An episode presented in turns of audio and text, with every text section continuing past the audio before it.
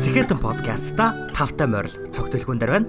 Агуу их зоригтой, зоригдоо хүрх, зоригтой, алдаршгүй зүг чигтэй, зүгэлсэндээ өргөх сэтгэлтэй Сэхэтэн танд зориулж байна. Тэр өдрөө 7 хоног бүтээдэг 7 хоногод сараг тэгээ жилиг тэгээ эцэстээ намайг бүтээдэг учраас амьдралыг бүр ахиж эхлүүлэх боломжийг олгож байгаа байхгүй юу? Бүр энийг бүр ашигла яаж игээл өөртөө цаг гаргах хэрэгтэй.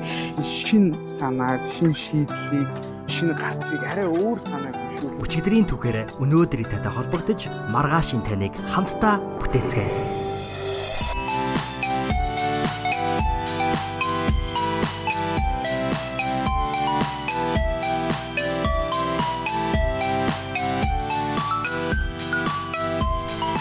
Сайн байцгаана сонсогчдоо Skeleton podcast-ийн хөтлөгч цогт бэлгүүн дээр байна. За энэ удаагийн дугаараараа бид нэр Skeleton podcast-ийн бас нэгэн болон болох номын илзүүлэг болонгийнхаа нэгэн шин дугаараар уулзж байна. Энэ удаад миний хувьд David Goggins гэдэг зохиолчийн Can't Hurt Me буюу намайг өвтгөж чадахгүй нэртэй номыг та бүхэнтэйгээ хамтдаа хэлэлцэх байгаамаа. За энэ ном маань өөрөө зохиолч өөрийнхөө амьдралыг одоо өөрийнхөө амьдралын түүхийг өгүүлсэн, өрнүүлсэн ийм storytelling book байгаа. За тэгээд энэ номын хамгийн гол санаа болон энэ номноос авах ёстой чаленжууд буюу энэ номноос одоо сураад өөрийнхөө амьдралд өөрийгөө туршаад өөрийгөө сориод үзэх 10 чаленжуудыг та бүхэндээ хураангуулan ярьсан ийм подкаст дугаар бол байх юм аав шүү. За тэгэхээр зохиолчийнхаа тухай товчхон бас танилцуулъя. Та бүхэн маань Дэвид Goggins гэдэг энэхүү залууг бол түүний түүхийг магадгүй хаанигтээ сонсч байсан байж магадгүй YouTube, Facebook, Instagram-аар бичлэгийг нь ч юм уу үзсэн байж магадгүй.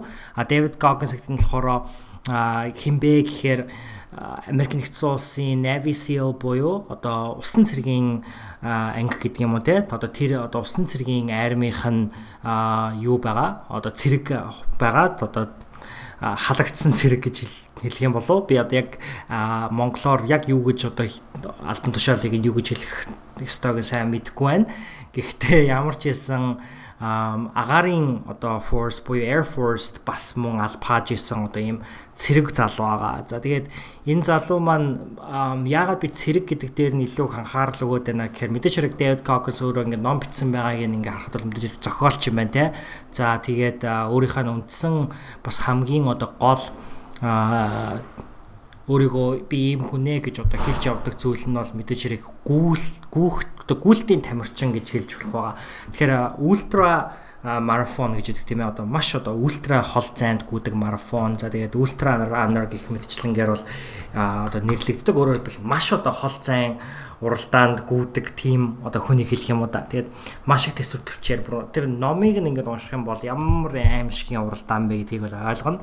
А би бол тэрийг ерөөсөө ингээд уншаад уншаад энэ хүн одоо ийм аимшигтай уралдаанд ийм олон хоног ингэж цутарч тийм ээ хөлөө бүр хөл биш болтол нь гүйж одоо болдгийн бахта гэж үнэхээр ингэж гайхаж одоо тэр үед ингэж сонсч ирсэн би номыг болохоор аудио букээр сонссон энэ жил.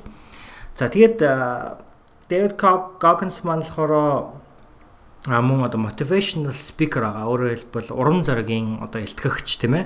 А гэтээ мэдээж хэрэг энэ одоо илтгэлээ тавихтаа одоо ашиг сонирхолч гэдэг юм уу тийм юмнаас илүүтэйгээр яг нэг мессежийг түгээхийг илүү их оролдтiin болов гэж боддог. Тэр нь юу вэ? Ямар мессеж вэ гэхээр энэ номны хамгийн гол санаа болох энэ номын гарчиг тийм ээ can't hurt me буюу намайг өвтгөж чадахгүй гэдэг ийм одоо гол санаа. За тэгэхээр намайг өвтгөж чадахгүй гэдэг нь юу хэлж байна гэхээр Дэвид Гогинс бол өөрөө багасаа маш одоо хэцүү амьдралыг бол давж туулсан байдаг. Тэгээд чаптер болгоноос сурсан гэх юм уу, чаптер болгоноос аваад хуваалцаад та бүхэн маань эргээгээд амьдралдаа хэрэгжүүлэх боломжтой тэр сорилтуудыг хуваалцаад явах ийм төлөвлөгөөтэй байгаа. Тэм учраас бол эхний чаптераас эхлэе те. За эхний чаптер дээр гардаг нэг одоо үндсэн магадгүй хичээл нь юу вэ гэхээр инээсэн бүхэн найз биш ууралсан бүхэн дайсан биш гэдэг нэг үг байдаг штэ монголчуудын хэлдэг. За энэ үгийг ерөнхийдөө бол chapter 1 бол дангаар нь дүгнээд хэлчихээр үг байгаа. А гэхдээ энэ үгийг магадгүй сонсохоор та бид нар найзгаа ч юм уу одоо нэг танихгүй хүнийг сан бодо бодож бах те. А гэтэл Дэвид хувьд болохоор инээс нь дайсан нь хэн байсан бэ гэхээр төрсэн аав нэсэн байгаа.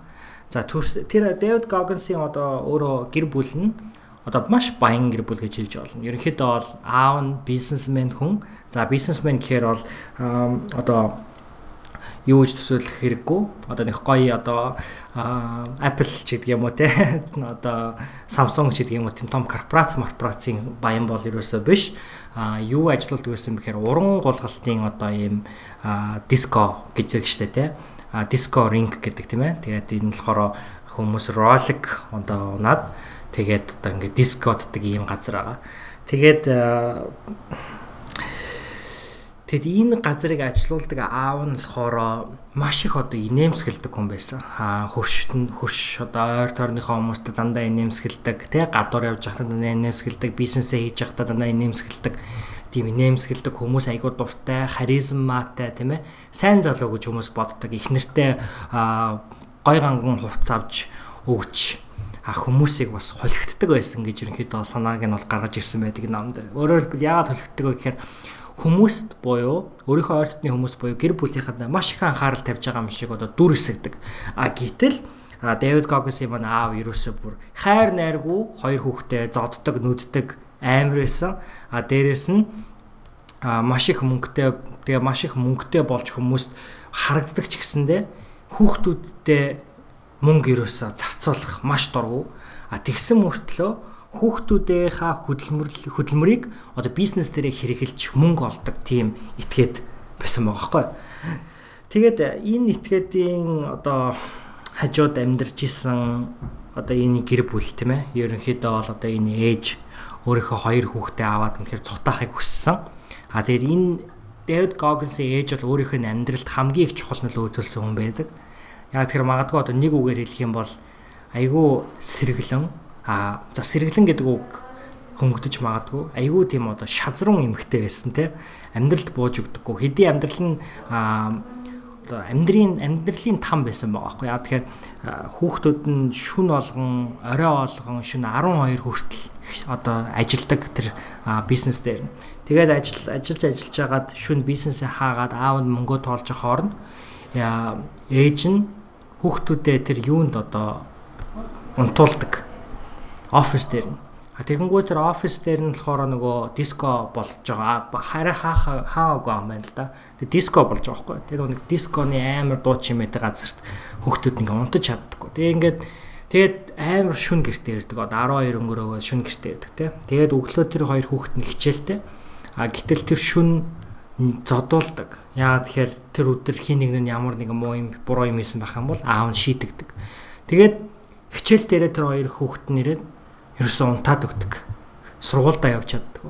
Тэгэхээр зэрэг тэгэхээр зэрэг одоо судалгаанаас харахад багаасаа тийм ээ хүүхдийн хамгийн одоо мэдээж хэрэг одоо хувь хүнийхээ хувьд төлөвшөөд хичээл номоо одоо маш сайн одоо интеллектуал төвшөнд ойлгоод тийм ээ ингэдэг насан дээр тэр хүүхэд маш их сэтгэл санааны стресс хоол ундны дутагдал нойрны хомсдол ийм их зовлонгуудаар тэр хүүхэд бол өсөж исэн. За ээж нь бол тутгааргүй хүүхдүүдийнхаа зовлонг харж дээрээс нь өөрийнхөө биеийн зовлон дээр нэмж юм уу сэтгэлийн зовлон бас авдаг байсан тийм ээ мэдэрдэг байсан ээж. Тэгээ ийм хэцүү нөхцөлд амьдарч агаад ээж нь сэргэлэнтэд а нөхрийнхаа одоо нэрийг хэрэглээд нөхрөөсөө зөвшөөрөл авч кредит карт буюу одоо зээлийн карт аваад тэгээд орохоор шийдээд оргодог.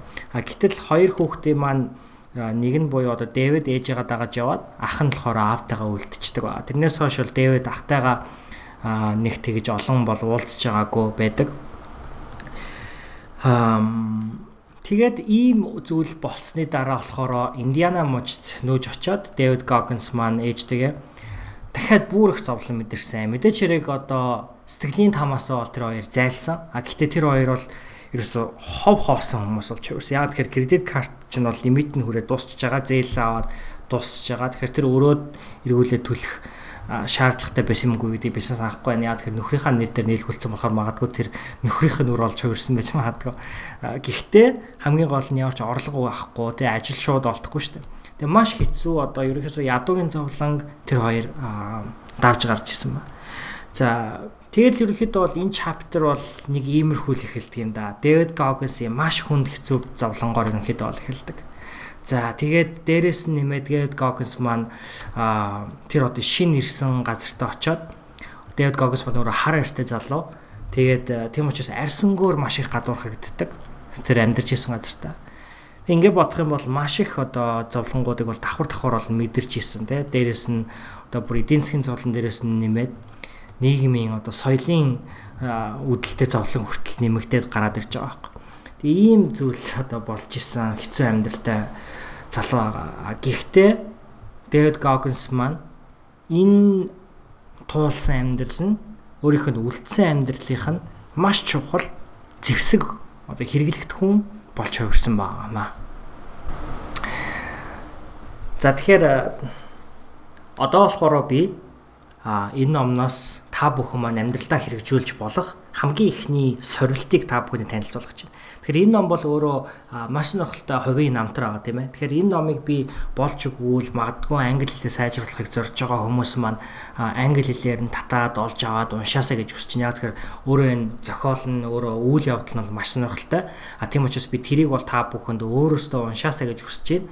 А тэгээ би одоо болохоор зөвхөн түрүүн одоо chapter 1 буюу хэсэг 1 дээр дурддагдсан тэдгээр түүхээс үндэслээд номынхаа бусад одоо бас мөн chapter-уудад дурддагдсан чухал сорилтуудыг нэг нэгээр нь та бүхэндээ хуваалцсан юм. Тэгэхээр хамгийн ихний сорилт болохоор bad hand буюу одоо муу хүзэр тийм ээ гэдэг одоо ийм аа. Тэгэд энэ одоо ийм сорилт байгаа. За энэ сорилт нь танаас нэг хоёр зүйлийг асууж байгаа шүү. Яг энэ сорилтын хувьд. Тэгэхээр тэр нь юу вэ гэхээр өнгөрсөн танд тохиолдож исэн ямар нэгэн зүйлс таны амьдралд ерөнхийдөө бол маш гүн нөлөө үзүүлсэн ямар нэгэн зүйл. За энэ нь юу ажиллах вэ гэхээр чи хүүхэд байхдаа та хүүхэд байхдаа өсөөж том болж байхдаа гэр бүлтэй мэдэрч исэн ямар нэгэн зовлон бэрхшээл байж болно те. За аль эсвэл сургууль дээрээ мэдэрч исэн янз бүрийн асуудлууд байж болно. Дээрлэхүүлдэг байсан уу, зодуулдаг байсан уу те. За энэ бол мэдээж сэтгэл санаанд нөл тухайн үед нөлөө үзүүлээд мөн одоо танд траума болоод үлдсэн одоо үйл явдал гэж хэлж болно тийм үү. За эсвэл та ямар нэгэн зүйлээс болж ичиж зовдөг байсан уу? Тэ? За одоо юу гэдгийг жоохон бахтаа ингээд өөрийнхөө ямар нэгэн зүйлээс одоо ичдэг үе байсан уу? Жишээ нь би жоохон бахтаа аавтайгаа өсөг болохоор хүүхдүүд аав чи яасан гэхээр би айгүйх ичээд янз бүрийн юм худлаа хэрчдэг байсан байхгүй аавынхаа тухай. Гэхдээ сүүлд бол миний аав намайг өсвөр наснд байхад бол гарч ирээд намайг өсвөр насны үеэс маань би аавтайгаа ерөнхийдөө ойрхон амьдэрсэн тийм учраас бол аавд ерөөсө гомддггүй. Зүгээр яг өсөж төрнж явахдаа болохоор би тэрнээсээ ичдэг байсан те.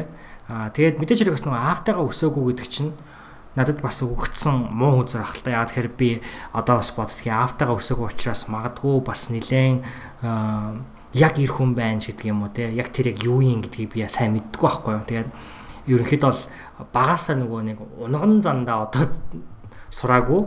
Тэгээ ерөнхийдөө бол сүултээ би ингээ үнэхээр өөрөө судалж тийм ээ сайн ирчүүд гэж ямар ирчүүд байгаа. даа маскулинити буюу эр хүн байх урлаг гэж одоо юу юм те? Манлинес гэж юу юм ингээд эдгээр зүйлүүдийг бол илүү би сонирхон судалдаг юм сэдв болсон.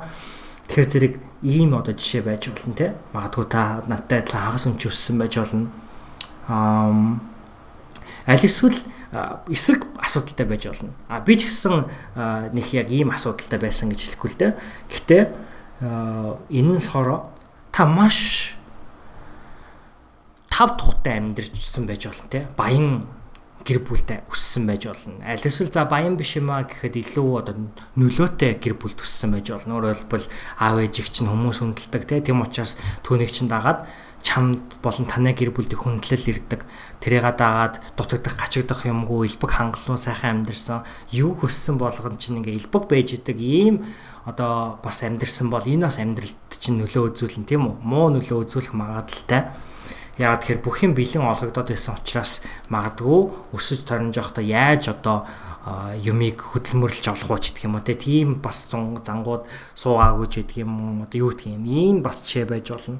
За энэ бүгдийг бол бичиж аавна.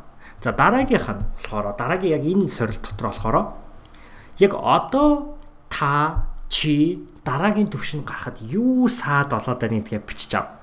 Ажил дээр байж болно, сургууль дээр байж болно, хувийн хэмжээнд байж болно тийм ээ. Тэгээ ерөнхийдөө бол нэг зорилгод магадгүй тодорхойлцсон байгаа бол тэр зорилгодоо хүрэхэд чинь юу саад болоод байна.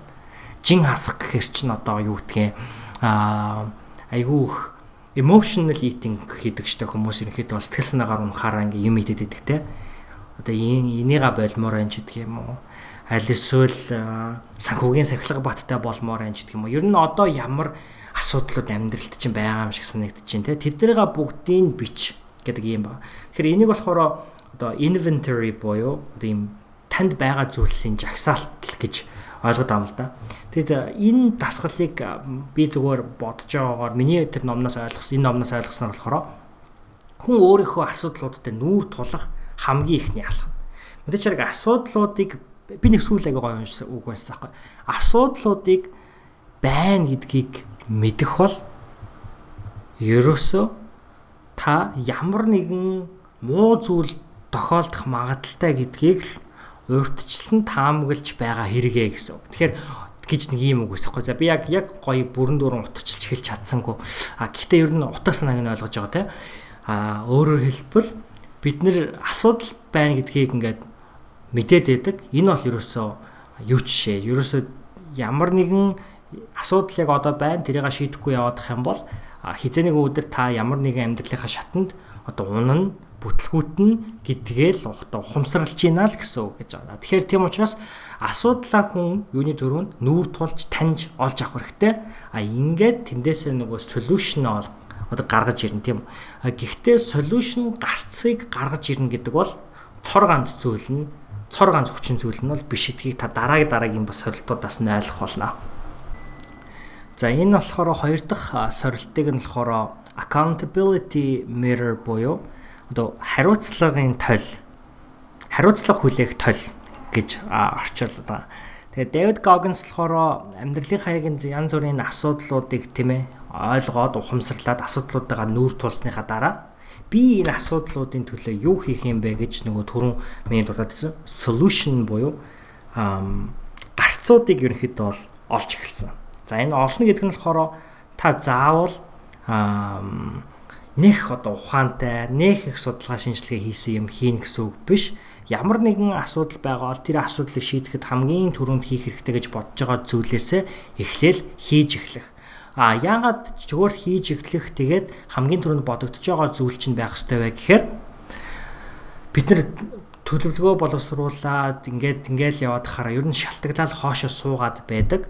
А тэгээд дээрэс нь хамгийн гол нь бид нар хизээж зөвхөн хамгийн зөв хариултыг хамгийн зөв солиушн буюу зөв гаргалгааг хүлээгээд тэрийг ирж шаагаадах юм бол хизэж жинхэнэ асуудлынхаа шийдвэр дээр бид нар ажиллахгүй Аа тэгэхээр бол одоо шууд ерөнхийдөө ажиллаж эхлэх хэрэгтэй болно.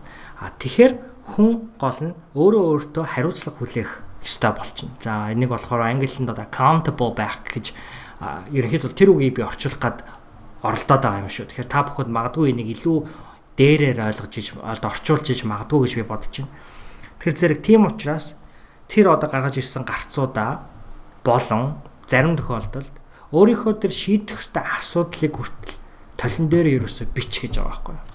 За заавал толон дээрээ бичээд ямар нэгэн ноутн дээр наах бас албагүй байх л та. Магадгүй та тэмдэглэлийн дэвтэр дээрээ өөрийнхөө шийдэх тэр бүхий л асуудлуудыг бичээд өдөр болгон тэр тэмдэглэлийн дэвтрээ бас одоо онгойлгож нээдэг байж болох юм. Тэгэхээр тэрийг өдөр болгон уншдаг байж болно мэдээж хэрэг. Яад би нэг хэлж байна гэхээр мэдээж хэрэг одоо манай подкастыг сонсож байгаа олон хүмүүс маань бас гэр бүлтэй хүмүүс ах тий. Тэгэхээр магадгүй ялангуяа 10 жилийн хүүхдүүд маань сонсож байгаа бол аав ээжтэйгээ амьдарч байгаа бас хүмүүс сонсож байгаа бол тий. Аав ээжийнхээ хажууд бас тийм юмнууд наагаад магадгүй нэг тийм тухтай өөртөө чи санагдахгүй байж магадгүй. Тийм учраас та танд ямар асуудал биш ямар гарц зэн тэрийг олоод хамгийн гол нь өөртөө байнга хариуцлага хүлээх. За за толон дөөрийгөө хараад чи өстой амар таргалцсан байх шүү. Чи бол тарган хүм. Чи өстой тарган за гэд яг өөртөө яг өнтрийгээ хүлэн шөрүүлээ л те. Тэгм учраас жингээ хаас. Жингээ хаасхын төлөө магадгүй одоо гүүж эхлэгч гэх юм уу тийм ээ. Энэ 7 хоног 1 км гүүх гээд ингээ багхам зорилго тавиад эхэлдэг ч юм уу. Энэ бүх зүйлээд ингээ бичээд өөртөө байнга тэрийг сануулах гэдэг ийм ерөнхийдөө ол гол санаа гамаа. За нэг дурдаад гэсэн санаа асуудлууд асуудалтай тэмцэх гол нэг шалтгаан одоо гол нэг баг нь болохоор solution буюу гарц дангаараа бишээ гэдсэн тийм ээ. А дараагийнх нь юу вэ гэдгийг 3 дугаар сорил маань тайлбарлаад өгч байгаа. За энэ 3 дугаар сорилыг болохоор монгол хэлэнд би магадгүй а зузаарсан арьстай оюун толгой тарих гэж орчуулах юм болов. Ерөнхийдөө бол илүү зузаарсан, илүү тав тухгүй байдалд дассан тийм ээ. Өөрөөр хэлбэл бид нар ингээд жимд ингээд яваад хаар жишээ нь байнга төмөр өргөсөөр ахаар гарны ингээд гар ингээд жоохон цуцараад эхэлдэг ш тийм ээ. Алган ингээд одоо ивэр болсон гэдэг үл тээ. За тэг гитар хөгжим дараад ахаар хурууны үзүүрүүд бас ингээд зузаараад эхэлдэг штэ тэ. Тэрнтэй адилхан аа тийм тархиа зузааруул өөрийнхөө оюун бодлыг тийм ээ зузааруул гэдэг энэ сорил байгаа маа сорилт байгаа. Энэ сорилтыг яаж хийх вэ гэхээр дахиад үзгээ аваад өөрийнхөө хийх хамгийн дургуй зүйлсүүдийг өөрийнхөө хийхээрээ бүр үзэн яддаг дургуй зүйлсүүдийг бичиж авах гэдэг. За энэ дээр магадгүй миний нэмж нэг хэлэх санаа нь юу вэ гэхээр Team Ferriss-ийн Team Ferriss-ийн хэлдэг үг илүү эсвэл Team Ferriss-ийн подкастаас би сонсч ирсэн нэг үг байт юм а. Тэр нь болохоор таны хамгийн их нүүр тулгаас айж байгаа асуудал чинь хамгийн их шийдэх хамгийн одоо шийдэхэд ёстой асуудал ихэнхдээ байдгаа гэж ерөнхийдөө бол хэлсэн байдаг. Тэгэхээр зэрэг өнөөдөр бид нар амьдралдаа яг түүнтэй адилхан тэр философиг аваад хэрэглэх юм бол бид нар амьдралдаа хийхээс хамгийн их үзэн ядж байгаа. Хамгийн хийхийг хүсэхгүй байгаа зүйлсүүд маань ма бид нарыг дараагийн шатанд нэг шат ахиулах зүйл маань ихэнхдээ байдаг. Тийм учраас ерөөсөө өөрөктөө 10 минут гаргаад өөрийнхөө хийх хамгийн дургуй зүйлсүүдийг бичээд үз. За энэ хороо нэг тийм хүн хэцүү одоо зүйлс байх албагүй те. За энэ жишээ нь би аяр тавг байх дургу, би ороо хураах дургу, би бясалгал хийх дургу гэл ингээл янз бүрийн л зүйлсүүд гэж болно. Ном уншихыг хүсэж байгаа гэтээ би ном унших дургу гэдэг ч юм уу тийм ээ. Ийм одоо хийх дургу зүйлсүүдээ аа бичин. За тэгээд бас нэг анхаарахтаа хийхээрээ яг дургу биш. Гэтээ нэлээд тав тухгүй болдог зүйлс жишээ нь бас байж болно тийм үү. За одоо жишээ нь илтгэл тавих. Магадгүй илтгэл тавих гэдэг бол нэг тийм муухай зүйл болвол биш шүү дээ. Мэдээж хэрэг хүн болгон өөрсдийнхөө санааг хүмүүст хүргээд гоё санаа хүргэж нэ гэдэг чинь хүн болгон дотор байдаг хүсэл байх гэж би боддгийн. А гэхдээ хүн болгон л гараад тайзан дээр гар сандардаг те. Би бол маш их сандардаг. А би бол өөрийгөө дажгүй илтгэл тавьчдаг гэж боддог. А гэхдээ яг илтгэл тавих гал тайзан дээр гарахаар би яг л адилхан айдаг. Тэгэхээр тэрнтэй адилхан айдаг тав тухгүй болдог тэр зүйлсүүдээ бүгднийг бичиж аваарай гэж та бүхэндээ хүсэж байна. За энэ номын зохиолч Дэвид Гоггинс маань өөрөө маш одоо competitive буюу өрсөлдөөнч зан аран шинтэй хүн байдаг. За тийм ч учраас дараагийн маань дөрөв дэх сорилт болохоор одоо сүнс зайлуулах гэж би монголоор орчуулах юм болов тийм нэртэй сорилт байгаа. За сүнс зайлуулах гэж хэлж байгаа нь юу вэ гэхээр Дэвид Гоггинс энэ номоор дамжуулаад ерөнхийдөө бол нэг зүйлийг та бүхнээс хүсдэг. Тэр нь юу вэ гэхээр амтлаад үз гэдэг одоо мессеж юм уу те. А тэр нь болохоор та одоо яг амьдралынхаа дараагийнхаа шатанд гарахад таны амьдралыг тань одоо иргэн тойронд орчинд таны ажил дээр, таны сургууль дээр хамгийн их зүйл бүтээгээд мөн болж игэл хэн нэгэнтэй өрсөлдөөд дараагийн төвшөнд гарах боломжтой зүйл юу байгаа вэ гэдгээ тодорхойл гэдэг ийм сорилт байгаа. А тэгээ эннийга тодорхойлсныхаа дараа сорилт маань үргэлжлээд түүндээ бүр тултал нь эзэн байж үз.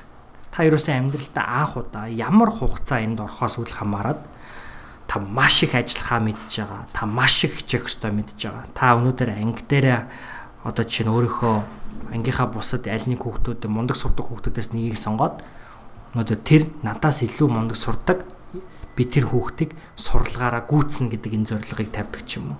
За эсвэл заавал тийм өрсөлдөөнч бас байх албагүй. Миний бодлоор Дэвид Гоггинс бол өрсөлт гэдэг байгаа шүү дээ. А миний бодлоор бол өөрөө өөртөө өрсөлдөд үз.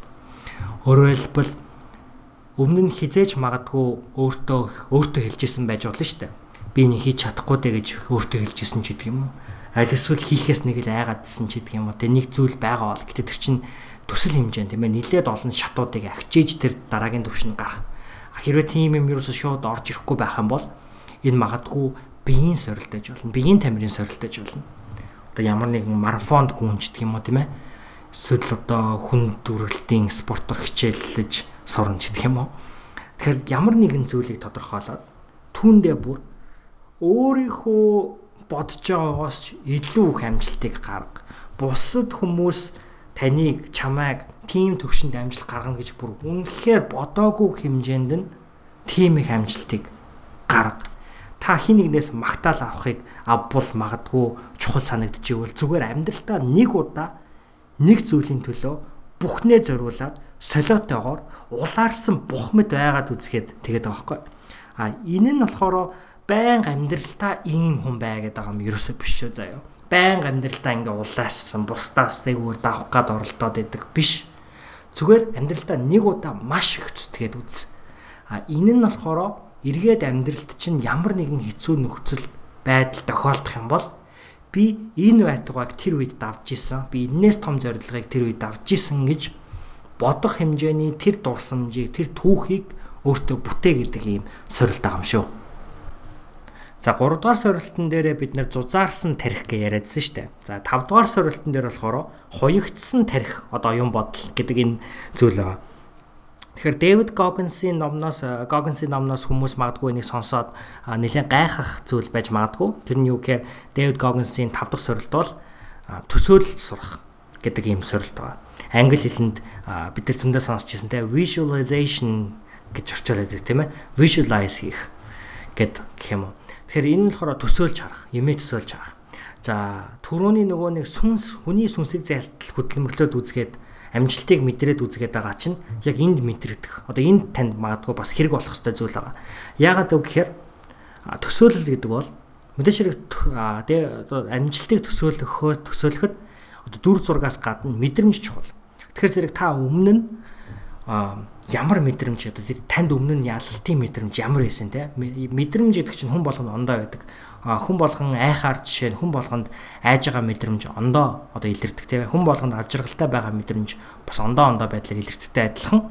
Хүн ялахаар бас ондоо ондоо мэдрэмжүүд мэдэрч байгаа. Тэгэхээр зэрэг нөгөө нэг ялалтыг өөрөө мэдрээд үзэхэд байгаа штэ тэгэхээр зэрэг хуягдсан тарих гэдэг бол та нэгэн дамжлтыг мэдрээд үзсэн хүн учраас ямар нэгэн амьдралд чинь дараагийн сорилт гарч ирэх үед та тэр сорилтыг амжилттай даван туулж байгаа төсөөлөл амжилттай даван туулсан мэдрэмж төсөөлөл энэ хоёрыг төсөөлөх хэрэгтэй.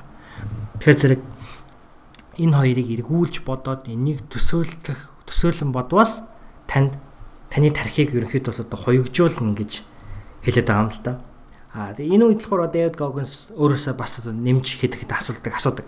Яагаад би яг одоо энийг хийж ёстой гэж? Яагаад би энэ сорилттой нүүр тулж байгаа вэ?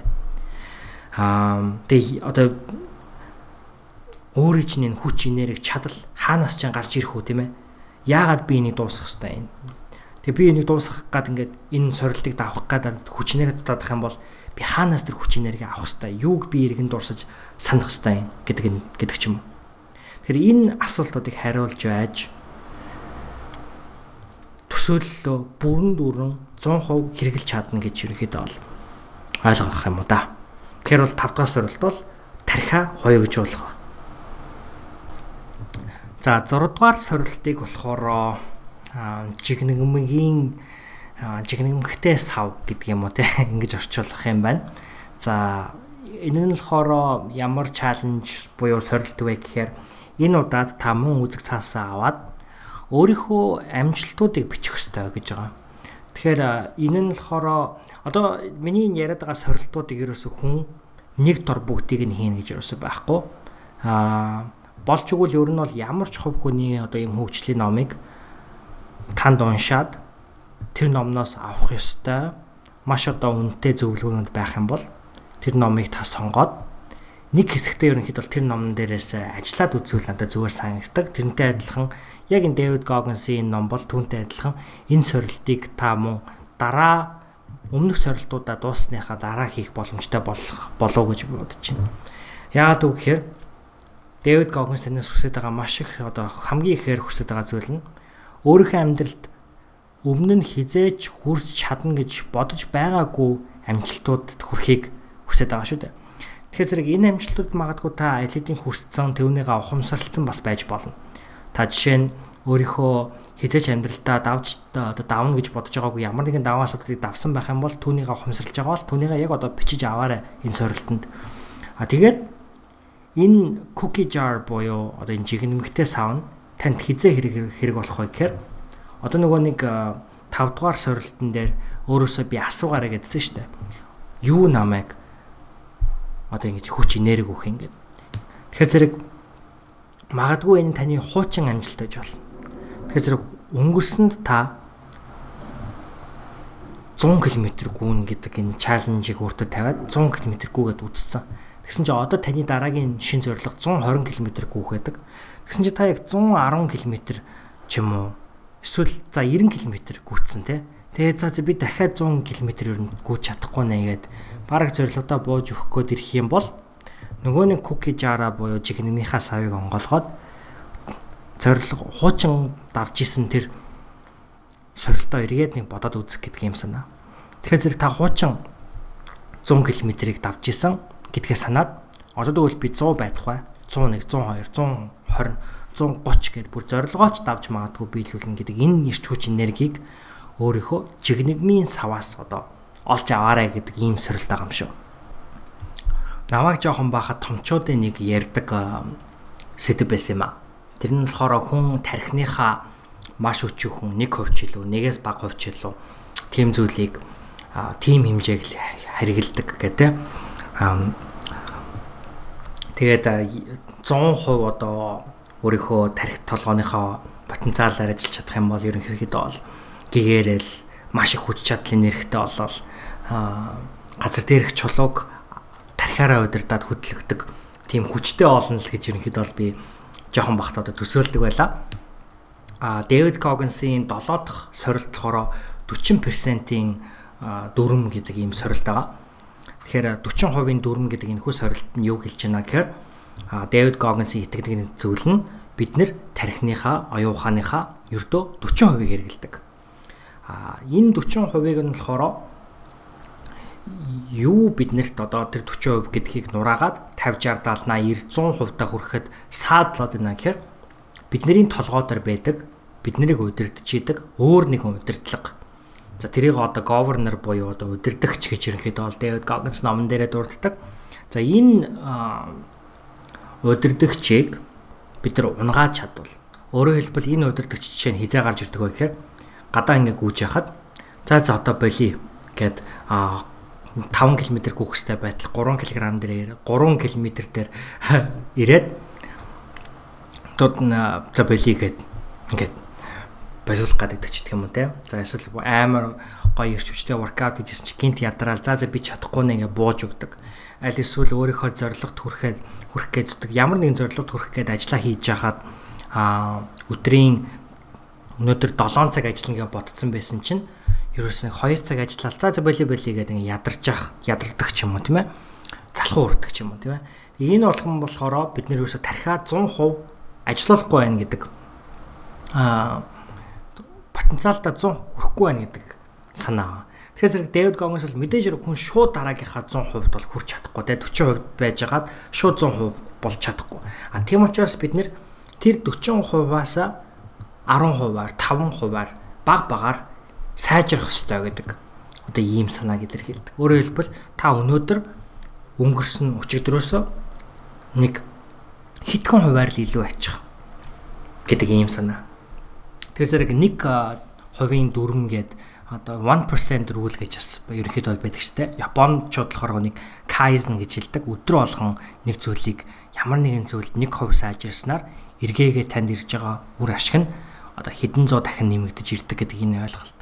Энэ ойлголтыг ерөнхийдөө бол Дэвид Когенс маань одоо та бүхэнд сорилт болгон танилцуулаад байгаа. Тэгэхээр зэрэг амьдралдаа та ямар нэгэн зүйлийг хийж агаад бууж өгөх гэх юм бол өөртөө үгүй гэж хэлээд өөрийнхөө тархины өөрийнхөө оюун бодлын хүчийг өөртөө хатгаад өөрөө нэг хэдхэн хувь дахиад нэг илүү оролдоод үзэхэд. Тэгээд Дэвид Когенс яг энэ номыг яг номыг нь би сонсож явахад болохоор яг надад бодогдчихсэн юм аа. Яг энэ энийг уншаад над ингэж хэлдэг байхгүй бид нар яг үнэндээ дахиад 1 км ч гэдэг юм. Би яг тоогоос авахгүй те. Дахиад хэдэн км гүйчих чадвар ууг нь бол байдаг. Бид нар дахиад чэйж шахахдаа нэг хэдэн килограмм илүү шахчих чадал бол байдаг. Бид нэр ажил дээрээ дахиад нэг хэдэн цаг ажиллаж одоо хийж байгаа төсөл дээр дахиад нэг 7 хоногт илүү хэдэн цаг ажиллах тийм хүч энерги чадал бол бидэрт байдаг. Гэтэ бид нар тэгдэхгүй гэдэг энэ яг энийг ингэ уншиж хагаад за ер нь бол тийм дээ л гэж яг одоо бодогдчихсэн те. Тэгэхээр зэрэг яг надтай адилхан гэж бодогдчихсэн хүмүүс байгаа байх гэж би итгэж байна. Тийм учраас хэдүүлээ амьдралынхаа өдөр тутамд нэг хуваарч боловтой жоохон хичээгээд үзье гэдэг ийм сорилт байгаа юм шүү. За 8 дугаар сорилт маань болохоор төлөвлөх гэдэг ийм сорилт байгаа. За энэ сорилтыг бол би магадгүй бас яг энэ сорилтууд дундаас хамгийн хэцүү сорилт нь байх гэж би бодож байна. Ягаад гэхээр энэ сорилтыг бол ерөөсөө амьдралдаа одоо тэмдэглэл бичгтэй адилхан нэг удаа бичээд нилээд хугацаа завсарлага авах боломжгүй а ерөнхийдөө бол аль болох яг энэ сорилтыг амьдралдаа байнга эргэж авах ёстой. А гэхдээ яг энэ сорилтыг мэдээж хэрэг бас завсарлага авах бол танд маш бас тустай. А гэхдээ амьдралын чи ерөнхий нэг хэм маяг бол байх ёстой сорилт байгаа. За төлөвлөх сорилт. Энэ нь болохоор а 3-7 хоногийн яг сорилт байгаа. Яг одоо би мэдээж яг амьдралдаа энийг байнга хэрэгжүүлж хэлж байгаа. А гэхдээ яг энэ сорилтыг амьдралынхаа нэг хэсэг болгохын тулд 3-7 хоног ихний ээлжин шаардлагатай байгаа шүү.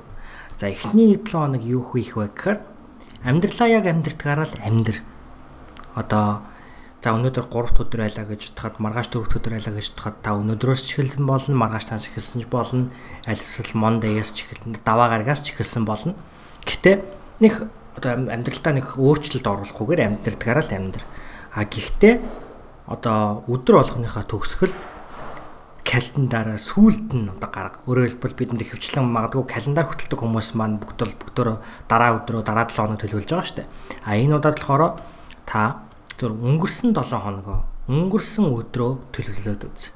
За ерөнхийдөө бол би бол энийг ер нь хаяада амьдралдаа одоо юу гэдгийг хаяада гэдэг нь болохоор зарим 7 хоногийн дундуур, заримдаа сардаа нэг удаа ингээд хийж үздэг зүйл байгаа. Тэр нь болохоор аа өдөр болох нэг 2 цаг тутамд ер нь нэг Google календар руу ороод за би сая тэдэс тэдэн цагийн хооронд ийм зүйл хийчлээ. Тэдэс тэдэн цагийн хооронд ийм зүйл хийчлээгээд өөрийгөө ерөөхөө календарыг маш үнэн зөв бич. Заавал Google календар ч байх албагүй л дээ мэдээж хэрэг гар утасныхаа нөт дээр бичиж болно эсвэл тэмдэглэлийн нөтөд дээр хөтөлж болно. Хамгийн гол нь зүгээр та өглөө хэдэн цагт босч гин босчоод хэдэн минут юу хийсэн, нүр амаа аваад хэдэн цаг зарцуулсан те. Өглөөний цаг хэдэн минут зарцуулсан, ажил руугаа хэдэн минут явв ажиллаа хэдэн минут хий. За ажил дээр ирчээд яг үнэхээр бид нар бол 9-оос 5 цаг хүртэл ажиллаад байна уу гэвэл бас үгүй те. Дундуур нь цайны завсарлага аавна, хүмүүстэй юм ярина. Энэ болгоноо зүгээр л үнэн зөвөөр нь тэмдэглээд бичээд үзэх гэж байгаа. За ингэснийхаа дараа 2 дахь 7 хоног чинь эхлэх үед болохоор аа за яг одоо өөрийнхөө амьдралын хамгийн төгс хувилбарыг нэг хамгийн төгс 7 хоногийн нэг төлөвлөлөөд үз. Амьдралдаа хийх хэрэгтэй гэж бодож байгаа бүх зүйлүүдээ төлөвлөөд үз. Аа тэгээд энэ төлөвлөгөө болохоор гаргахдаа өдөр болгоно дор хаяж 15-аас 30 минутын одоо төлөвлөгөө гаргах хэрэгтэй. Өөрөөр хэлбэл 30 30 минутаар нь дор хаяад төлөвлөх хэрэгтэй тухайн өдрөө. За 30 минутын дотор би ийм ийм ийм зүйлүүдийг хийн дараагийнхаа 4 ширхэг 30 минут буюу 2 цагийн туршлагаараа би ийм ийм зүйл ийм төсөл дээр ажиллана гэдэг юм уу те энэ зүйлүүдээ ерөнхийдөө 30 30 минутаар ингээд төлөвлөх хэрэгтэй. За ингэснийхаа дараа болохоор тэр 2 дахь 7 хоногт болохоор а тэр төлөвлөгөөнийхаа дагуу ягштал дагаад үз. Та зөвхөн хэцүү энэ бол хэцүү би үнэхээр хэлж байна. Үнэхээр тантай санал нийлж байна. А гэхдээ надад бас үнтэй хэцүү ч гэсэндээ би яг тэр одоо скежлээ тултал нас дагаад үзсэн надад үед байдаг. А энэ үед болохоор тэр үе бол таныг байнга тийм бай гэж юус хэлэхгүй. А гэхдээ нэг тийм байгаад үзчихээр бид нар өөрийнхөө чадварыг ер нь ойлгож эхэлт юм санагддаг хгүй. За би яг 2 цаг юм төлөвлөөд нэг юмн дээр ажиллаад үзье гэд ингээд яг тэрийг үнэхээр бүх ямар ч одоо undivided attention гүү undivided attention-аар тийм ээ ийш тийш салгардаагүй анхааралтайгаар ажиллаад төлөвлөд хийнгүүт миний гараас хэрэг бүтээгдэхүүн гарч ийн гэдэг чинь мэдрэгдээд эхэлдэг байхгүй. Тэгэхээр яг нэг 7 хоног бүр үнэхээр тултал нь төлөвлөгөөний хадагаа бүх зүйлүүдийг хийгээд үз ямар их зүйлийг та магадгүй толгойд амжуулдаг юм байна гэдгийг мэднэ. А мөн нөгөөтэйгүр та ямар зүйл дээр илүү их цаг алдаад байна гэдэг бас мэднэ. Төлөвлөл төлөвлөжсэнээс чинь илүү их цаг өгөхөд орох гээд энэ ч гэх юм уу те. А гэхдээ энэ 2-7 хоногийнх нь гол одоо сорилтуудын нь болохоор аль болох төлөвлөгөөний хадагав ажиллаад үз. Өөрөөр хэлбэл 2 цагийн дотор 2 цаг одоо хичээлээ хийн гэсэн бол 2 цаг 30 минут, 2 цаг 10 минут хичээлээ хийхгүй яг 2 цаг хичээлээ хийгээл 10 минут дараа нь одоо завсарлага аваад тэрнийхаа дараа одоо гадаа гарч гүүн гэдэг ийм төлөвлөгөө байсан бол хичээлээ дуусгасан ч бай дуусгаагүй ч хамаагүй зүгээр л гараад гүү гэдэг юм уу те яг төлөвлөснийхаа дага бүх юм хийгээд үз тэгээд а энэ нь болохоор бас нөгөөтэйгөө та та яг тухайн цаг үедээ амьдрахад чинь бас туслах хэрэгтэй шүү. Өөрөөр хэлбэл энэ оройныхоо хоолыг идэнэ гэж төлөвлөсөн байлаа тийм. Энэ дээр болохоор та үнэхээр гэр бүлтэйгээ сухад оройныхоо л хоолыг идэх хэрэгтэй. Өөр ямар ч ажил хийхгүй та хэрвээ Facebook ухаж Facebook хэрэгүүлж Instagram орох, сошиал медиа хэрэглэх хэрэгтэй бол түүнийгаа мөн төлөвлөх календар дээр би яг өндөр болгоны тэтэс тэтэн цагийн оронд би энэ өдрүүдэд сошиал медиа хэрэглэнэ. Зөвхөн энэ 7 хоногт ч тэ. За Тэгээд имэйл унших тийм ээ ажиллаа хийж байгаа хүмүүс имэйл унших, имэйл хариулах бол тухайн 7 хоногийнхоо одоо тэт тэт өдрүүдэд тэтэс тэдэн цагийн хооронд гэсэн төлөвлөгөөнийхаа дагуу бай. Хизээж хоолныхаа ширээний хард тэрийг битгий хий. За ингээд 3 7 хоног руу та орно. Энэ үед болохоор та нөө түрүүн хэлээдсэн миний хэлээдсэн жишээнээс харахад бол та өөрийгөө нэлээд мэддэг болсон байгаа. Та ямар их цагийг хий дими юмд зарцуулдаг юм бэ гэдэг нэг үндсэн судалгааны ажилд олчлоо тий. За дараагийнх нь болохоор та цаг хугацаагаа маш сайн төлөвлөж чадах юм бол амьдралдаа ямар их үнцэн бий болгож чадж байгаа гэдгийг ерөөхдөө бол та ойлгоод авчна гэсэн үг. Тэгэхээр Дэвид Гогинсийн энэ хамгийн гол санаа нь болохоор ерөөхдөө бол амьдралдаа нэг аудитын шалгалт хийгээд л үзгээд байгаа байхгүй. Яг аудитын шалгалт гэдэг бол ерөөхдөө орж ирээд таны амьдрал үнэхээр одоо чанартай төвшөнд амь та үнэхээр амьдарч гин үү? Эрүүл мэндэд анхаарал тавьж гин үү? Тэ эдийн засгт анхаарал тавьж гин, хувь хүний санхүүгийн сахилэг баттай анхаарал тавьж гин үү? Энэ зүйлүүдэд үнэхээр аудитын шалгалт хийгээд үзэх гэдэг энэ одоо шаардлагыг тавьж байгаа. Тэгээ энийг болохоор календар буюу төлөвлөж, календарлах буюу хуанлилж одоо өөрийгөө ингэж сориод үз гэдэг ийм юм байнамаа. Ийм сорилт байнамаа. За монголчуудын нэг гоё хэлдэг үг гэдэг чинь хаадуудын хаан гэдэг үг Чингис хааныг одоо ерөнхийдөө бол хэлдэг үг магадгүй бах те. За хаадуудын хаан гэдгийг үгийг арай нэг өөрөөр хэлэх юм бол түгээмэл биш хүмүүсийн дундах түгээмэл биш нэ. Шилдгүүдийн дундах шилтгэн нэ. Тэ? Мундгуудын дундах мундаг бай гэдэг энэ одоо санаа ийм сорилт байгаа. Тэгэхээр Дэвид Гогинс бол одоо хэлдэг бидний амьдралд ерөнхийдөө бол энгийн амьдрал одоо энгийн ерөнхийдөө өдөр тутмыг болгоол явж байгаа хүмүүсээс дараагийн шатанд ахих ахиж гарах хэвээр өөрийнхөө амьдралынхаа эзэн байх хэвээр гэдэг энэ санаа боломжтой шиг номынхон гол санаа тийм. А гэхдээ та ямар ч чад ахисан бэ? Одоо энэ Дэвид Гогинс гэдэг энэ хүний ингээм амьдралыг унших юм бол аим шиг аим шигэн даваасаадуудыг давж гарсан байдаг тийм. Гэтэл тэр даваасаадыг аль хэдийн даваад гарцсан хүмүүс хүртэл байдаг байгаа яг тэр даваасадыг гарах гад Дэвидтэй дагаад одоо Америк нэгдсэн улсын Невада мужид гадаа ингээ гүйж байгаа хүн хүртэл байна. Тэ? Тэгэхээр зэрэг та ямар чад агсан бэ? Таны агсан шатанд мөн тантай адилхан хэмжээнд дараагийн түвшинд очсон хүмүүс хүн байж л ах бол. А тийм учраас тэр хүмүүсийнхаа тэр солиотой, тэр галзуу, тэр дараагийнхаа түвшинийхаа хүмүүсийн дундах галзуу тэднийхээ хамгийн галзуу, хамгийн ундаа, хамгийн хурдан байх гад үзэх гэдэг юм байна. Ийм санаа ба. Тэгэхээр зэрэг энэ санаа бол ерөөсөө надад их таалагдсан. Яагаад үг гэхээр нэг жишээ байгаа байхгүй. Дэвид Гогинс бол өөрөө зэрэг хүн, а өөрөө ерөнхийдөө тамирчин хүн. Тэгэхээр зэрэг маш их одоо бэлтгэл хаядаг тийм ээ. А тэгээд бэлтгэлийг хийж явахдаа нөгөө өөрөө өрсөлдөөнч учраас илүү хүчин өрөхгүй л илүү хүчтэй болохгүй л ингээл оролдоод идэг. Гэтэл ерөөсөө одоо хүн плато хийх буюу гацна гэж яддаг тийм ээ. Ерөөсөө ахиц бол байх байх байх болно ёстой. Гэтэ ингээд ерөөсөө ахиц ингээд гинт гарахаа болчдөг үе бол байдаг. А энэ үед болохоор Дэвид Гогинс болохоор бэлтгэлээр хичээлж явах үедээ болохоор ахиц бүр гарахаа болоод ирэх үедээ за за йога хий гэдэг энэ шийдэлд хүрсэн байдаг. Өөрөөр хэлбэл за йога гэдгийг тасгалыг ерөнхийдөө одоо энэ одоо йога гэдэг энэ одоо за одоо урлаг гэх юм уу тийм ээ одоо бясалгал гэх юм уу би сайн мэдэхгүй байна нэр сонирхолтой яг юу хэлдэг юм бол та бүхэн манаас хаваалцарай.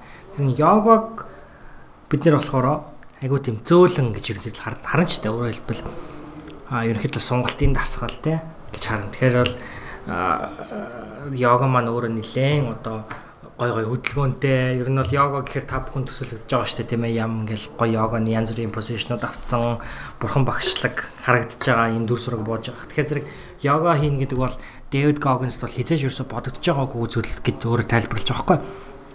А гэтэл йога хийгээд бие сунгаад булчингуудаа одоо ингээд суллаад сонголт хийгээд эхэлсэн чинь өөрөө маш уян хатан болоод зогсохгүй а уян хатан болохоор зэрэгцээд янз бүрийн өвчин одоо тийм ээ булчингийн өвчин эдгээрнүүд нь арилаад амьдралынханд бас бусад маш олон одоо асуудлууд биеийнх нь асуудал шийдэгдээд а эхэлдэг. А дээрэс нь илүү хүчтэй болдог.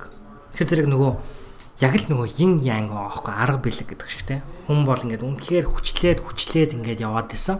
А гэтэл үнэхээр тэр одоо хүчлээд дараагийн шатанд гарсан хүмүүсийн дунд Дэвид Гогинс илүү нээлттэй ухаанаар буюу нээлттэй сэтгэлгээгээр хараад арай non traditional буюу уламжлалт биш. Одоо яг өөрийнх нь амьдарч байгаа тэр орчин тойронд бол ерөнхийдөө бол одоо чинь йога гэдэг бол цэргүүдийн дунд бол хийдэг зүйл биш ахна шүү дээ уламжлалт зүйл нь биш. Гэтэл энэ зүйл дотроо йога хийгээд эхэлсэн чинь тэр нөгөө уламжлалт дараагаар хүчээр гарч ирсэн хүчрхэг залуучуудын дунд уламжлалт биш зүйлийг агуулсан тэр Дэвид Гогс гэдэг залуу маань платод хүрээд гатцсан байсан залуу маань дараагийн шатанд дахиад ахихдаа зөвхөн асуудлаа шийдэж зогсохгүй бусад маш амьдралын олон асуудлуудыг давхар давхар шийдэж явцсан байгаа юм. Тэгэхээр зэрэг хаадуудын хаан байна гэдэг бол улам хичээгээл улам одоо ингээл мундаг болох гээд байгаа ерөөсөө биш. Харин илүү нээлттэй сэтгэлгээтэй байх, илүү ухаалаг байх, хөдөлмөрч а гэхдээ мөн дээрэс нь ухаантай байх гэдэг энэ хоёр зүйл ерөнхийдөө нийлээд ороод ирж байгаа юм болов гэж би харж байгаа юм аа. За 10 дугаар сорилт. За энэ 10 дугаар сорилтыг би энд яриад өнгөрье. Гэхдээ та бүхэн маань хэрвээ энэ түрүүний дурдсан 9 сорилтыг амьдралдаа хэрэгжүүлэе гэж бодож байгаа бол эргээд энэ подкаст дээр ирээсэй гэж би та бүхнийг урьж байна. Яг тэгэхээр 10 дугаар сорилт нь өөрийнхөө бүтлгүүтлээ хүч олгон ашиглах гэдэг одоо ийм утгатай сорилт байгаа. Тэгэхээр зэрэг дахиад үзгээ аваад энэ 9 сорилтыг та амьдралдаа хийгээд үзснийхаа дараа дахиад нэг үзгээ аваад та хизээ хамгийн ихээр яаж бүтлгүүтв гэдгээ бичээд үз. Тэгэхээр зэрэг энэ бүтлгүүтэл энэ таны амьдралын даваа садрыг давж гарсан оролдлогууд тань таныг жихэн хүчээр хөгжүүлэх ёстой гэдэг энэ номын гол нэг санаа байгаа юм шүү. За бид нар бол нэг хэсэг аа нилээл одоо нөгөө эрг сэтгэх гэдэг одоо урлаг ч гэдэг юм уу, ухаан ч гэдэг юм уу, мессежээр бол нилээх явсан штэ. За хувь хүний хөгжлийн салбар одоо энэ өөрийгөө хөгжүүлэх салбар сонирхолтой залуучууд бол нилээн сайн мэдж байгаа. Маш их одоо баггүй хугацаанд бид нар бол одоо эрг сэтгэе тийм ээ. Янз бүрийн муу муухай зүйлсээс одоо хол бай гэдэг ийм одоо философор бол нэлээд удаан бол явцсан байдаг. Аа тэгээд яг би өөрийнхөө амьдралын жишээнээс харахад бол би тэр гэж бодож исэн үеуд байдгаа байдаг. А мэдээч хэрэг тэндээс авах хөстэй зүйлсүүд бол байдгаа байдаг. А гэхдээ хүн бол зөвхөн эрг бодоод өөрийгөө тэнхтүүлээд яваад байна гэдэг бол ерөөсөй байхгүй. А хамгийн гол нь юу вэ гэхээр хүн өөрийгөө тав тухгүй нөхцөл байдалд оруулах ёстой. А оруулаад а мөн тав тухгүй нөхцөл байдал амьдралд асуудал гарвал түүнийг даван туулдаг байх ёстой. А гэхдээ хамгийн гол нь тэр асуудлуудыг боломж гэж хардаг. Итгэл үнэмшилтэй байх ёстой байх хамаа. Тэгэхээр зэрэг амьдрал obstacle is the way гэдэг Ryan Holiday гэдэг зохиолчийн ном байдаг шүү дээ тэр номны гол санаа бол obstacle буюу даваасаад гэдэг бол амьдралын is the way буюу амьдрах зам. Ерөөсөө л амьдрна гэдэг бол тэр даваасаадуудтай нүүр тулж тэдрийг хүлээн зөвшөөрч тэдрийг даван туулж түүнээс хүчрхэгжих бол амьдрал юм аа гэдэг энэ ойлголт байна. Тэгэхээр зэрэг амьдралыг бид нар боломж гэж харж байгаа учраас амьдралыг бид нар даваасаадаар дамжуулж ирдэг бэлэг гэж харж байгаа учраас бид нар өөрсөндөө хэлж байгаа түүхээ зөв байлгах хэрэгтэй. Тэгэхээр зэрэг 10 дугаар сорилтоо буюу одоо өөрийнхөө бүтлгүүтлээрээ дамжиж өөрийгөө хүчрхэгжүүлнэ гэдэг бол өөрийгөө суг би ингээ бүтлгүүтцэн гэдэг энэ зүйл ерөөсөө биш харин амьдралд маань ийм ийм бүтлгүүтлүүд тохиолдсон. Тийм учраас надад ийм ийм одоо боломжууд, ийм ийм давуу талууд гарч ирж байна. Миний сул тал, миний сөрөг тал бол миний давуу тал болно гэдэг ийм ихтгэл үнэмшилтэй байгаарэ гэдэг ийм санаа агамаа. За энэ хүрээд Skeleton podcast-ийн маань бэлтгэн хүргэдэг номын хилэлцүүлэг болонгийн маань бас нэгэн ээлж дугаар өндөрлөх гэж байна. Тэгээ хамгийн сүүлд нь болохоор би зүгээр энэ цаг мөчийг документжуулаад баримтжуулаад авахыг хүсэж байна л да. Юу вэ гэхээр яг одоо л Америк нэгдсэн улсад 2020 оны 11 сарын 10-ны өдөр болж байна. Би Америк нэгдсэн улсын Миннесота мужийн Миннеаполис хотоос мэдчилж байна. За энэ 10 сарын 3-ны өдөр буюу ерөөсө 7 хоногийн өмнө Америк нэгдсэн улс бол ерөнхийлөгчөө сонгох одоо сонгуулийн өдөр болсон байна. А гэхдээ хэдий сонгуулийн өдөр бол 10 сарын 3-нд байсан ч гэсэндэ а бид нар бол Америкууд бол сонгуулио ол нэлээд баггүй хугацаанд бол одоо захиагаар ерөнхийдөө саналаа өгөөд өгдөн өгөөд зарим нь болохоор сонгуулийн одоо юм байр байр байрууд байгаа тийм ээ тэд нар дээр авчираад ингээд сонгуулаа бол урьдчилаад өгсөн бол тохиолдол байгаа.